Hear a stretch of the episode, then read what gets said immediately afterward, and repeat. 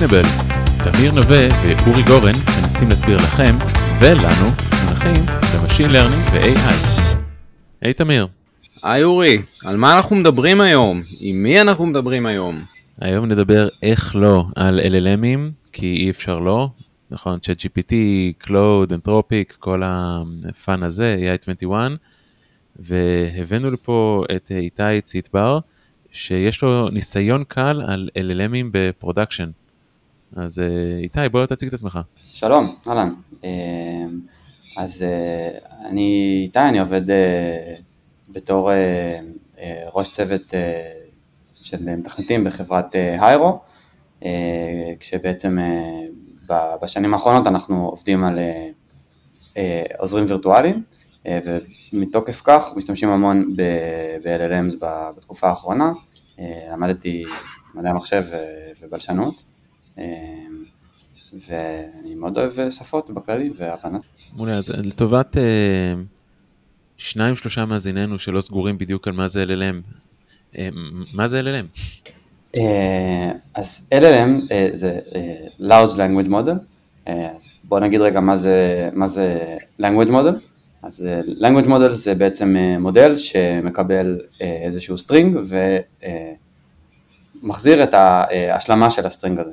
כלומר, אה, בעצם הוא, הוא יותר נכון הוא מחזיר איזושהי אה, התפלגות אה, של, של הסתברות, של כל, ה, של כל ה... מה ההסתברות של כל מילה בשפה תופיע אחרי ה-string הזה, אז למשל אם ניתן לו השמיים הם, זהו, אז הוא יחזיר למשל את המילה כחולים בתור המילה עם ההסתברות הכי גבוהה להופיע אחר כך, ואולי ירוקים או אדומים אחר כך, ובאיזשהו סדר את כל, הס... את כל המילים בשפה העברית. עכשיו large language model זה uh, פשוט language model שהוא uh, גדול, uh, כלומר שיש לו הרבה מאוד פרמטרים. אני יכול להגיד מהצד שמאז שיצא ChatGPT ואנשים רואים איזה יופי הוא כותב שירים ואיזה יופי הוא עונה על שאלות, שאנשים משתמשים כזה ב-ChatGPT להכל, בין אם זה לנבא מחירים בבורסה ובין אם זה לעזור לתכנן את התשובה האידיאלית ללקוח או טיול בחו"ל. מניסיונך בתור מי שעובד הרבה עם LLM ים ב-production, למה כלים כמו ChatGPT או LLM באופן כללי מתאימים יותר ולמה מתאימים פחות? אה, אז אני חושב שכאילו קודם כל זה, זה לגמרי נכון, כולם אומרים אה, אה, בעצם על כל דבר שכל מוצר תוכנה בערך רוצים לפזר קצת, קצת LLM. הייתי אומר שבאמת זה, זה, זה כלי מטורף, הוא יכול לפתור המון המון בעיות NLP שלפני זה היו, היו מצריכות המון אימון ואיסוף של, של, של דאטה. יש דברים שכאילו, יש הרבה, הרבה מאוד דברים שמתאימים ל-LLM אולי ברמת הדמו, אה, או איזשהו אה, POC אה, יפה כזה, אבל, אבל, אבל ב-production יהיה להם, יהיה להם קשה לעבוד, ונראה לי שכאילו נדבר על זה גם היום. מה, מה בעצם הביא אותך להשתמש, לבחור בעצם ב-LLM בתור הכלי שאתם עובדים איתו? זהו, אז, אז כמו שאמרתי, אני בשלוש שנים האחרונות אני, אני עובד ב... בהיירו, אה, כשבעצם מה שאנחנו עושים בהיירו אה, זה אה, עוזרים וירטואליים לבתי חולים, שזה או בעצם ווידג'ט כזה באתר או בטלפון, בעצם משהו שמחליף את ה-call center או מערכת הניתוב שיחות של, של בית החולים. עכשיו, בעצם מן הסתם תמיד עבדנו עם, עם מודלים ועם כל מיני שיטות אחרות ב-NLP, גם שיטות uh, בלשניות יותר, uh, ובעצם uh, מאז שפרצו ה-LLMs לחיינו, אז uh, זה לגמרי, שינה, שינה לגמרי את העבודה שלנו ואפשר לנו uh, לעשות הרבה הרבה יותר דברים, uh, וגם בהרבה פחות זמן. אז בעצם אתה אומר שאתם עושים צ'טבוטים לבתי חולים, אז, אז אני אשאל שאלת תם, למה ב-2023 אה, צריך פה חברה טכנולוגית שתעשה צ'טבוט לבית חולים, למה לא אה, להשתמש בצ'אט GPT וחבריהם? אז אה, זו שאלה מעולה והרבה אנשים, אנשים שואלים אותי אותה. אז אני חושב כמה דברים, קודם כל בגלל שזה בתי חולים אז יש איזה שהם דרישות, דריש, דרישות מאוד מסוימות, כן, כאילו דרישה מסוימת של, של פרטיות ושל compliance. ובגלל שזה צ'טבוט כזה או משהו, ממשק שיחתי, אז יש גם איזושהי דרישה ל-latency, כלומר אתה לא יכול לענות, כאילו, אתה, אתה צריך לענות תוך מספר שניות, שניות בודד, אתה לא יכול לחכות שהוא יחכה עכשיו דקה עד שהוא יקבל את התשובה שלו. עכשיו, ספציפית לשאלה שלך, למה לא לשים פשוט על הכל LLM, אז אה, אני חושב שההפרדה שהרבה פעמים עושים אה, במאמרים ובתעשייה זה ל chit chat bots ו goal oriented bots, כשבעצם chit אה, צ'אט זה יותר כמו סירי או באמת ChatGPT שהם כאילו שאפשר לדבר איתם על הכל, לשאול אותם מה נשמע ואיך הולך להם ולא לא יודע. כש goal oriented זה בעצם בוט שהמטרה שלו זה לעשות איזה משהו, כמו הבוט של פלאפון לקניית אה, תוכנית חו"ל. עכשיו בגול, כאילו, מן הסתם אנחנו גול uh, אוריינטד, uh, כאילו אנחנו, אנחנו רוצים שהלקוח יעשה איזושהי פעולה, uh, נניח uh, יקבע תור עם רופא, uh, ובעצם בשביל הדבר הזה תמיד צריכה להתקע, להתבצע איזושהי פעולה uh, בעולם, uh, כלומר למשל לקבוע תור במערכת של, ה, של, של, בית החולים, אז זו פעולה שהיא מחוץ לשיחה. Uh, לכן חייבים להתממשק עם איזשהו, אה, עם איזשהו API, אה, והיום LLM זה עדיין לא שם מבחינת, אה, מבחינת ההתממשקות עם, עם API'ים בצורה שהיא אמינה וטובה, כן, כאילו אנחנו, טעות שמה היא, היא משהו מאוד קריטי, כן, אם נקבע תור למישהו, לרופא הלא נכון, בזמן הלא נכון, או לבן אדם הלא נכון, אז זה, אנחנו ממש כאילו לא עושים את העבודה שלנו. ולכן זה משהו ש... אה, כאילו בעצם אנחנו חייבים לשים את ה-LLM אה, תחת איזושהי שליטה. אני גם מתאר לעצמי שבמיוחד בדומיין רפואי, גם היית רוצה איזושהי שליטה כי אתה מדבר בסוף עם פציינטים שיכולים להילחץ, זאת אומרת אם פציינט שואל את הרופא, היי יש לי כאב ראש, וה-LLM יכול להגיד, כן יש סיכוי שיש לך סרטן, זה כנראה לא, לא התשובה שנמצאת בפרוטוקול של שיחה עם uh, לקוחות, נכון? בטח יש פה איזשהו אלמנט כזה. לגמרי, אה, לגמרי אנחנו ממש רואים את זה שמה שהלקוחות הרבה פעמים רוצים, אה, כאילו, או, או חייבים, זה איזשהו control ו-explainability, בעצם כאילו, שירגישו שיש להם איזושהי שליטה על ה... שתהיה להם איזושהי, איזושהי שליטה על, ה, על המוצר, ובאמת כמו שאמרת, מקרים כאלה הם כאילו אפילו בדברים פחות חמורים כמו אה, סרטן וזה, זה, זה, אה, זה, זה בעיה, אה, זו בעיה מאוד מאוד מאוד גדולה ובעצם אתה, כאילו אני חושב שהעניין שם זה ש... quality סטטיסטי זה לא מספיק, כלומר להגיד, להגיד לבית החולים ב-90% מהפעמים אנחנו צודקים זה נחמד, אבל אם ב-10% שבהם אנחנו טועים אנחנו אומרים למישהו איזה משהו בעייתי, אז, אה, אז, אז זה באמת, אה, כאילו, אז, אז, אז זה לא מספיק טוב. הלך הביזנס. לגמרי. היה לנו מקרה שלקוח שאל משהו אפילו יחסית עדין, כן? כאילו, מתי כדאי לי להתקלח אחרי הניתוח שלי? וענינו שם, ענינו שם איזושהי תשובה, כאילו, שהיא כזה לא לפה ולא לשם, כלומר, לא אומרת בדיוק מתי, ועדיין הלקוח, הלקוח לא, לא, לא היה מרוצה מזה. כי יש להם נוהל מסוים שאחרי איקס שעות אה, צריך להתקלח.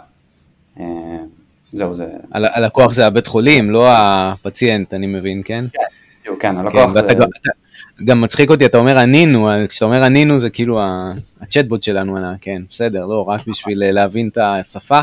אוקיי, אז מגניב, אז אתה אומר, בעצם אנחנו לא סתם עושים, אנחנו לא סתם צ'טבוט, אנחנו צ'טבוט שגם עושה פעולה, קובע תור, אה, לא יודע מה, שולח מייל, אין לי מושג, עושה איזושהי פעולה, אז עכשיו באה השאלה, אז, אז, אז רגע, אז אתם לא משתמשים, אתם לא מתבססים על אליהם, או כן מתבססים על אליהם?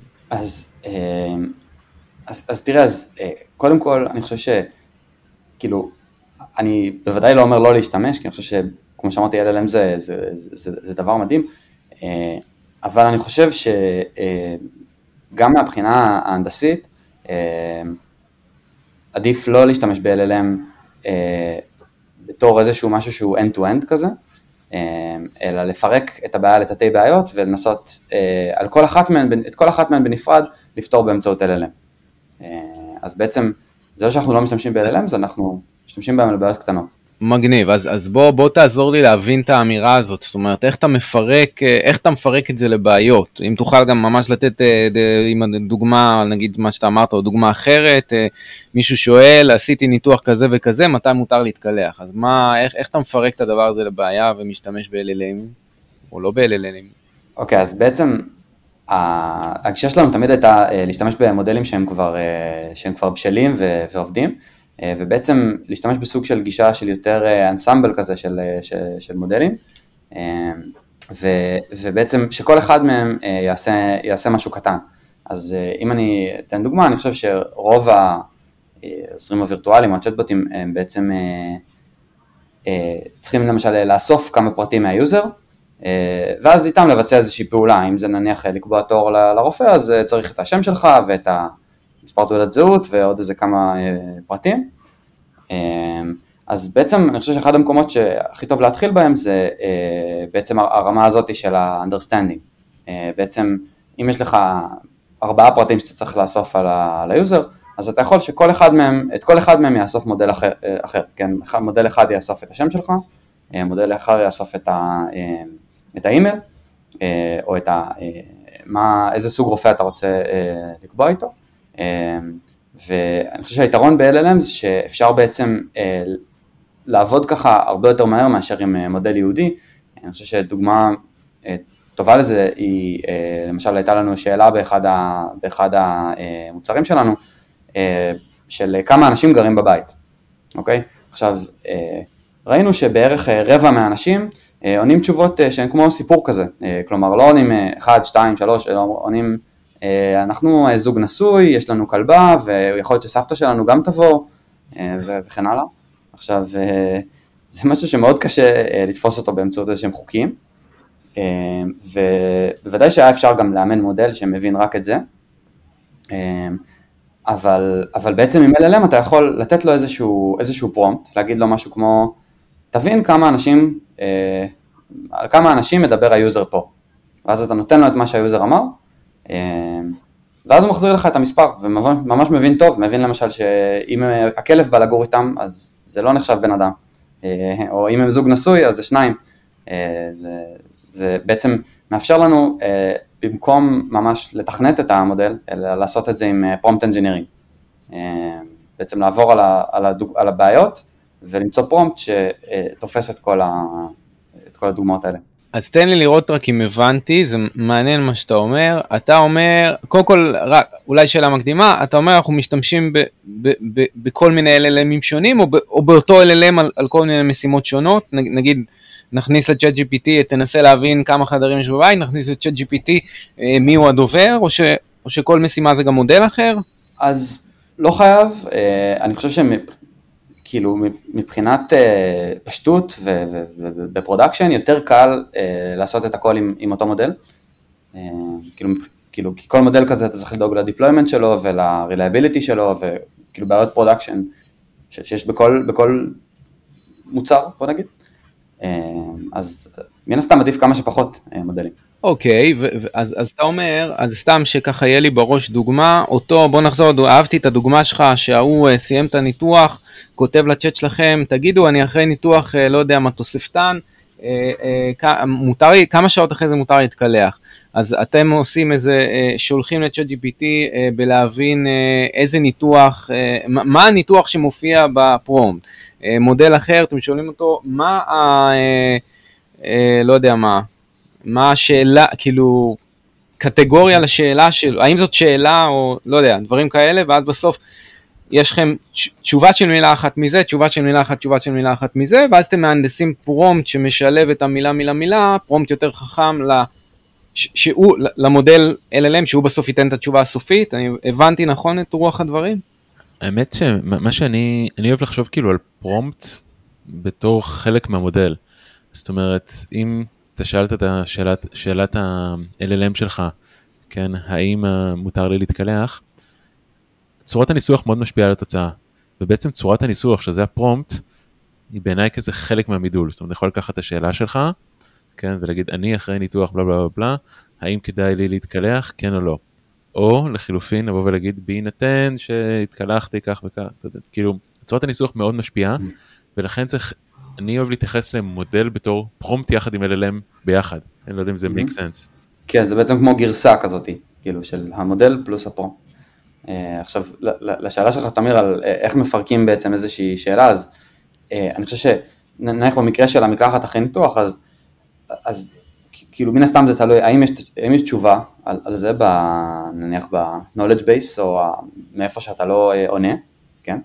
עכשיו, אה, בעצם בשביל לענות על, אה, על, על שאלה כמו השאלה של המקלחת אחרי ניתוח, אז אנחנו צריכים בעצם להביא לפרומפט את התשובה הנכונה, כן? כלומר, אם נניח יש נוהל של בית החולים לגבי מתי צריך להתקלח, אז צריך להביא את הנוהל הזה איכשהו, שהוא יהיה בתוך ה prompt, ואז לשאול את השאלה, נכון? אה, עכשיו, בעצם בשביל זה אנחנו צריכים להשתמש במה שנקרא Retrieval Augmented Generation. בעצם לעשות איזושהי גנרציה אה, על בסיס מידע שהגיע מאיזשהו database אה, או knowledge base מסוים. שזה גם אה, מושג שמופיע, ב... תמיד שואלים ש-LLM אומן עד שנה, כאילו ChatGPT אומן עד 2022, על דאטה מעד 2022, איך הוא יענה על משהו, לא יודע, משבר, לא קורונה, לא, לא יודע, משהו שקרה אחרי, אז זה גם בהקשר הזה מופיע המושג הזה, נכון? כן, כן, זה לגמרי, כאילו, Retrieval Augmented Generation זה משהו שהוא משמש גם, כאילו בעצם בשביל איך, איך לענות אה, על שאלות, אה, גם על data שהוא עדכני וגם על data שהוא מאוד ספציפי, כן? זאת אומרת, אה, אה, כאילו אני בעצם חושב שזה אה, משהו שיש לו אה, שלושה, אה, שלושה שלבים.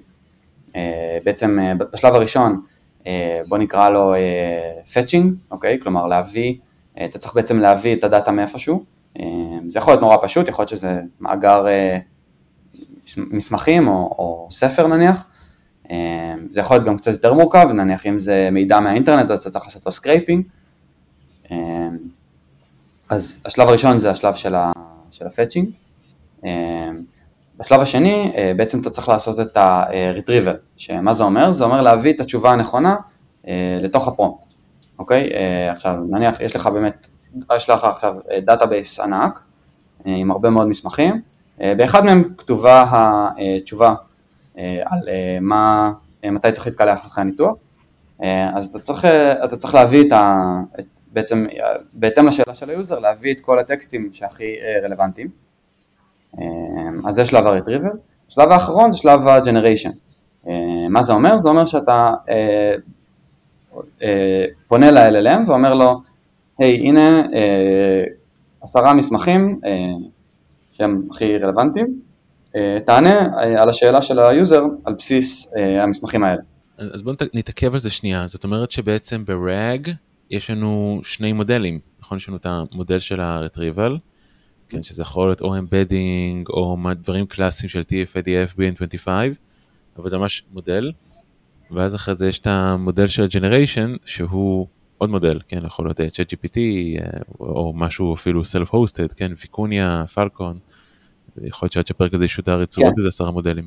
לגמרי, אז, אה, אז, אז, אז כן, אני חושב שזה באמת שיטה שנראה שנגיע לזה גם אחרי זה, אבל זה בעצם, זו שיטה שיש בה אה, הרבה חלקים נעים.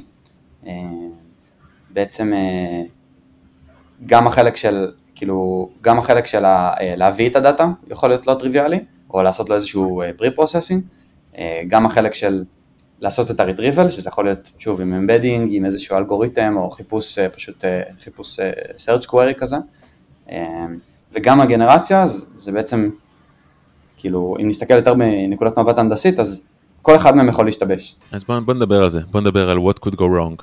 אז מה, איזה בעיות את אה, נתקלתם בהם, נגיד בשלב הראשון של ה-fetching, pre-processing? זהו, אז, אמ, אז בעצם אה, בשלב של, של ה-fetching, אז אתה רוצה אה, בעצם שהדאטה שלך ייראה כמה שיותר אחיד ועם כמה שפחות זבל.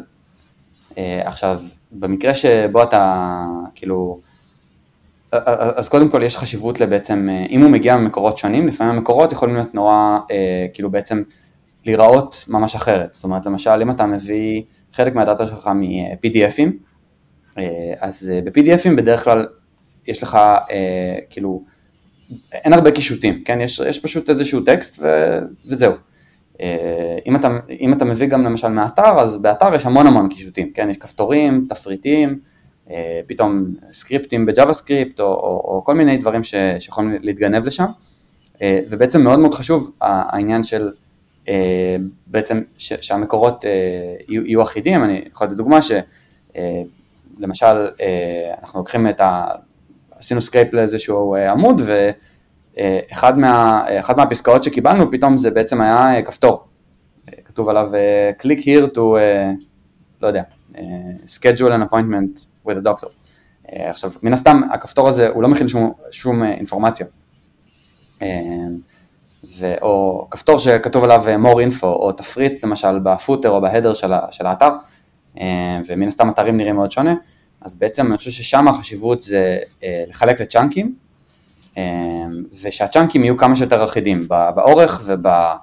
בוא נגיד סיגנל טו נויז רשיו שיש בהם. אוקיי, okay, ואם אנחנו עוברים לשלב הבא, שזה בעצם שלב הרטריבל, החיפוש, אה, מה, מה יכול להשתבש בו? אמ, זהו, אז האמת ששלב הרטריבל זה השלב שאנחנו ראינו שיש בו הכי הרבה מקום לשיפור, אז אני חושב ש...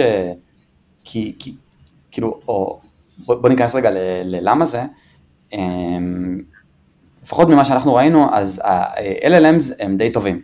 אה, ולמה אני מתכוון? שאם התשובה הנכונה נמצאת, אה, כלומר, הצלחת להביא אותה לפרומפט, אז הוא יצליח לענות. כלומר, אם מישהו שאל מה, איפה החנייה, והתשובה לגבי החנייה אה, נמצאת באחת, ה, באחד מהצ'אנקים, אחת מהפסקאות שהבאת, אז, אז כנראה שהוא יצליח לענות על, ה, על התשובה הנכון. עכשיו, אם לא, אם כל מה שיש שם זה מתכונים לפנקקים, אז uh, באמת זה לא יעבוד. אני חושב שהדבר שהכי משנה uh, זה שימוש במודל embedding נכון, כשבעצם חשוב להבין שיש מודלי embedding שאומנו על כל מיני סוגים של משימות. Uh, אז יש כאלה שאומנו על, uh, על similarity, uh, שזה אומר בעצם שהם אומנו לקרב בין טקסטים שהם אה, מאוד, אה, מאוד דומים באיך שהם, באיך שהם נראים.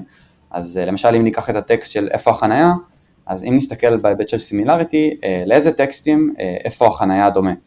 אז אחד הטקסטים למשל שהוא מאוד דומה להם זה איפה השירותים. עכשיו אני לא רוצה טקסט כמו איפה השירותים, אני רוצה את התשובה לאיפה החנייה.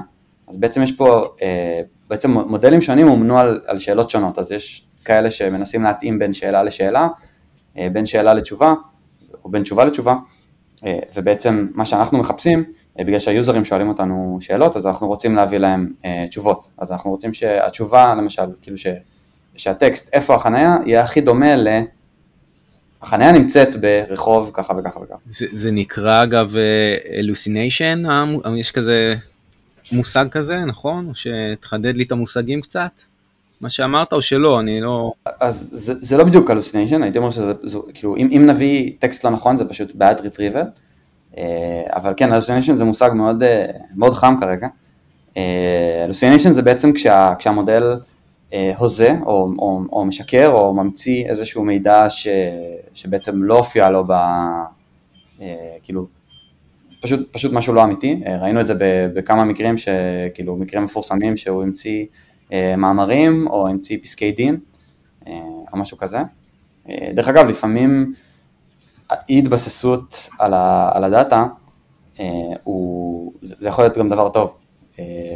כאילו, יכול להיות שמישהו ישאל שאלה, שאלה כזאת כללית ואין לנו תשובה עליה.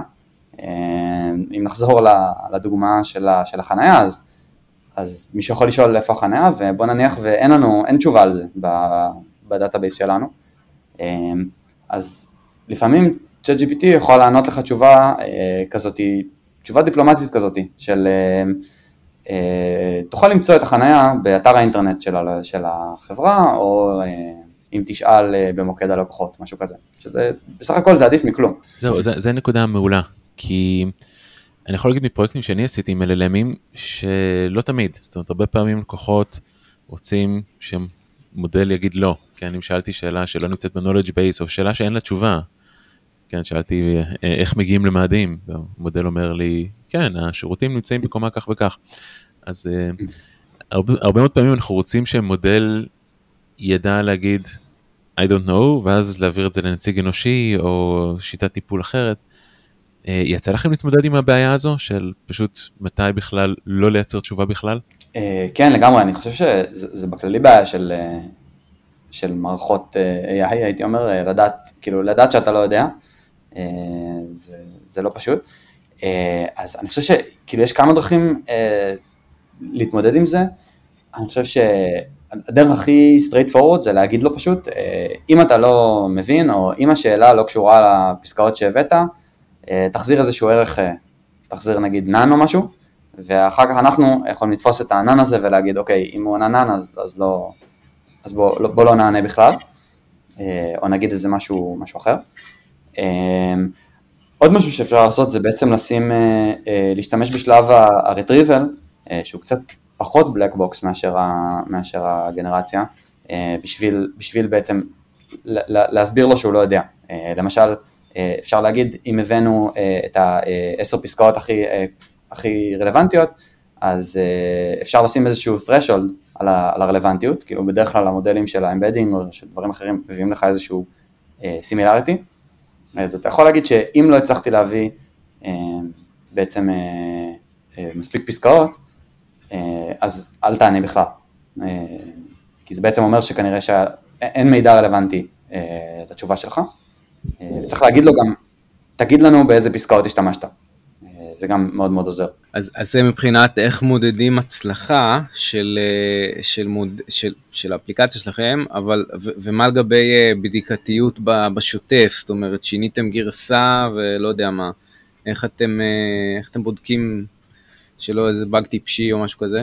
זהו, אז זה, זה באמת, אני חושב שזה אתגר מאוד מאוד גדול, כי כמו שאמרתי, זה, זה בעצם אה, מערכת עם, עם הרבה חלקים נעים, כאילו בוא נגיד לפחות שלושה, נגיד הרכיב שעושה את ה-fetching, את הרכיב שעושה, או המודל שעושה retrieval, ומה שעושה גנרציה, ובעצם כל שינוי אה, משנה, משנה את כל ההתנהגות, כן, אם אתה מוסיף פסיק אחד בפרומפט, אה, אז הכל משתנה, או אם אתה משנה את האופן שבו עושים את, ה, את ההבאה של, ה, של, של הדאטה, אה, או את, או את שיטת ה embedding או את הדירוג, אה, אז, אז הכל משתנה, אז אני חושב שבשביל זה צריך לפתח איזושהי, כאילו, מאוד קשה לעשות לזה unit טסטים, אבל, אבל אני חושב שהדרך הכי טובה זה לעשות איזושהי אבלואציה end-to-end. מה שאנחנו בחרנו לעשות זה בעצם פיתחנו איזושהי תשתית ש... בעצם עושה לך אבלואציה עם פרומפט. בעצם אתה מכניס את, ה, את השינוי ש, שעשית, את, את הגרסה ש, שבעצם שעשית בה את השינוי, אה, ואנחנו אה, בעצם מריצים את, ה, את הגרסה החדשה, ואז נותנים ל-LLM אה, לעשות אבלואציה לתשובה הזאת. מה, מה זה אומר לעשות, איך LLM עושה אבלואציה לצ'טבוט שלכם, גרסה 2.3, תסביר, בפועל לא ברור כל כך? זהו, אז בעצם, בעצם אתה נותן לו את הגרסה 2.3, ואז אתה אומר לו, אוקיי, רוץ על כל הדוגמאות האלה, נניח על אלף, אלף סטרינגים של היוזר, תריץ את הגרסה החדשה, ועכשיו אנחנו נותנים ל-LLM אחר, או זה יכול להיות לאותו LLM, אבל עם פרומפט אחר, אנחנו אומרים לו, היי, hey, הנה תשובה של איזשהו צ'טבוט, אה, הנה, הנה השאלה של היוזר, הנה התשובה, אה, הנה הפסקאות שעליהן הוא טוען שהוא הסתמך, אה, האם זה הגיוני? האם, הוא, האם זה באמת, האם התשובה מבוססת על, ה, על, ה, על הפסקאות? וזה באמת קצת נשמע חשוד, כן, לתת למודל לבדוק את עצמו, אבל אני חושב שבגלל שה-LLM זה מסוג של עולר שוויצרי כזה, שכאילו יש בו, מולטי פרפס כזה, אז בעצם כל, כל משימה הוא, הוא מתנהג אחרת, כאילו הוא בעצם, כאילו הדרך שלו לבדוק את עצמו היא יותר טובה מאשר, הוא יותר טוב רק לבדוק את עצמו מאשר אה, אה, ממש לבצע את המשימה. תגיד, אבל כן. שאלה טכנית על אוטומציה, אתה מביאים לו, אתה מוציא גרסה, אתה מביא לו עכשיו אלף פרומפטים כניסה, אלף פרומפטים יציאה, ומבקש, אה, אה, ל, ל, ל, כאילו מה, אתה מבקש לדרג את כל האלף או אחד אחד, ו, וגם הוא הרי מחזיר תשובה טקסטואלית, אתה לא תעבור על אלף תשובות, אז כאילו מה, אתה מבקש ממנו ציון מספרי, זה, ככה זה עובד? אז אה, כן, אני חושב, כאילו, ניסינו הרבה, הרבה, הרבה מאוד דברים. מה שבסוף עבד לנו הכי טוב זה לבקש בעצם לעבור אחד אחד, אז בעצם נכון יש לי, קיבלתי אלף, יש לי אלף אינפוטים, עכשיו יש לי הרצתי את זה בגרסה החדשה, יש לי אלף אאוטפוטים, אז בעצם עכשיו אנחנו עוברים אחד אחד, כאילו input ו-output, ואומרים למודל, כאילו אומרים ל-LLM, תגיד אם זה היה טוב או רע, כאילו בעצם ציון בינארי, וגם אם זה רע, תיתן סיבות, למה זה, למה זה לא היה טוב. אז אני אחדד את השאלה, זאת אומרת, זה לא אוטומטי, בן אדם צריך לעבור על אלף תשובות אם ככה. לא, כאילו בעצם יש לך, יש לך אלף, אלף, אלף תשובות, כשבעצם חלקם good וחלקם bad, כן? ואז אתה פשוט רואה מה אחוז הגוד בגרסה החדשה, כן? אתה יכול כמובן לעבור גם אחד אחד לראות את הבעיות. איך, איך אתה יודע, אתה מבקש ממנו לתמצת תשובה כגוד או bad? הוא הרי כותב משפט יותר ארוך, לא? אה, אוקיי. אני אומר לו, תגיד לי good או bad ותיתן לי גם, בנוסף תן לי גם סיבות. הבנתי. אני חושב ששווה פה להתעכב על אה, עוד שימוש מאוד מאוד נפוץ של LLMs. גם מעולים בלקחת דאטה שהוא unstructured, כן טקסט, פרק מספר, אמ, כל דאטה, שאלה ב Stack Overflow וכדומה, ולהחזיר אותה דווקא כ-structured, זאת אומרת שה output הוא JSON חוקי. ואז ג'ייסונים חוקיים, או כל, או טבלה או משהו כזה, כבר כן אפשר להשוות בצורה ממש נומרית, כן, האם זה שווה, מה אחוז החפיפה, כן, ואז לא צריך איזשהו LLM ביציאה, אני יודע מה הצפי. אני חושב שזה כאילו, זה משהו כאילו שגם התנסינו בו די הרבה, אני חושב שמה ש... מה שזה מאוד יכול לעזור בו זה קלסיפיקציה. בעצם אצלנו זה התחיל מהנושא של, של אנליזה בעצם, הייתה לנו איזושהי שאלה על האם, האם יוזרים מדברים על, האם יוזרים שואלים על שעות פתיחה, אוקיי? ולא לא ידענו כל כך, ולא היה לנו את ה-capacity להושיב בן אדם לעבור על מלא מלא דוגמאות, לראות האם יוזרים שואלים את זה או לא. אז בעצם אתה יכול, נתנו ל-LLM להגיד כאילו אוקיי, קח פשוט מלא מלא טקסטים חופשיים, ותוציא לנו טבלה מסוכמת של כאילו האם הוא אמר ככה, האם הוא אמר ככה, עשינו את זה בעצם על הרבה מאוד דברים, ומהמקום הזה של האנליזה הבנו שבעצם אנחנו יכולים להשתמש בו בתור משהו שעושה קלסיפיקציה. בעצם, כאילו, מן הסתם יש המון מודלים של קלסיפיקציה, אבל ה-LLM יכול להיות פתרון טוב כשבעצם הלייבלים שלך כל הזמן משתנים. בעצם, אני אתן דוגמה, נניח ואתה מתקשר לאיזשהו call center של, של בית חולים, עכשיו יש שם, הם מנתבים אותך, כן, זה מערכת לניתוב שיחות, יש להם, לא יודע, עשרה call centerים אחרים שהם מנתבים אותך אליהם, אבל זה כל הזמן משתנה, כן, התחום האחריות שלהם, או מוסיפים עוד call center או מורידים call center, ואתה רוצה בעצם שה, שהמודל שלך יהיה עמיד לשינויים האלה, כלומר לא תצטרך לאמן אותו מחדש כל פעם. אז אתה יכול לעשות את זה עם LLM ופשוט לתת לו את, הקטגוריות שהוא צריך, שהוא צריך להחזיר. שאלה קצת טעונה. יש הרי הרבה ונדורים היום של LLMs. יש כמובן את OpenAI עם ChatGPT 3, ChatGPT 4, את AI21 הישראלים, אנתרופיק וכדומה. יצא לכם קצת להתנסות, כזה מה, מה היתרונות, חסרונות מהניסיון האישי שלך, כן, אני מחפש פה overview אקדמי. מה, מה הכי מתאים, מה, מה, מה הכי טוב. כן, זהו, אז, אז באמת מאוד מאוד קשה לדעת, כן, כי גם כל, כל מאמר שאתה קורא או, או פרסום שאתה רואה, אז uh, כל, כל אחד מהמודלים אומר, uh, כן, אנחנו הכי טובים, uh, ו, וכל אחד משתמש במדדים אחרים, מאוד קשה להבין. אז באמת, כאילו, קצת אין תחליף ללבדוק את זה על, על המשימות שלך, כי בסוף כל חברה אה, מתעניינת, ב, או כל בן אדם מתעניין באיזשהו subset מאוד קטן של מה שה-LLM יכול לתת. אה, אנחנו חושבים שכאילו, ב, כאילו מהניסיון שלנו בפרודקשן, אני חושב ששני הדברים הכי משמעותיים מבחינתנו זה, זה compliance ו-latency. בעצם latency כי, שוב, אנחנו לא יכולים להחזיר תשובה אחרי, כאילו, לא יודע, נגיד GPT-4, אז הוא מאוד מאוד איטי, כאילו, הוא יכול להחזיר תשובה אחרי 15 שניות, שזה משהו מבחינתנו הוא לא, לא מתקבל על הדעת. דבר שני שהוא נורא נורא קריטי אצלנו זה compliance, בעצם בגלל שאנחנו בעולם הזה הרפואי אז אנחנו חייבים בעצם איזה שהם סטנדרטים של, של compliance.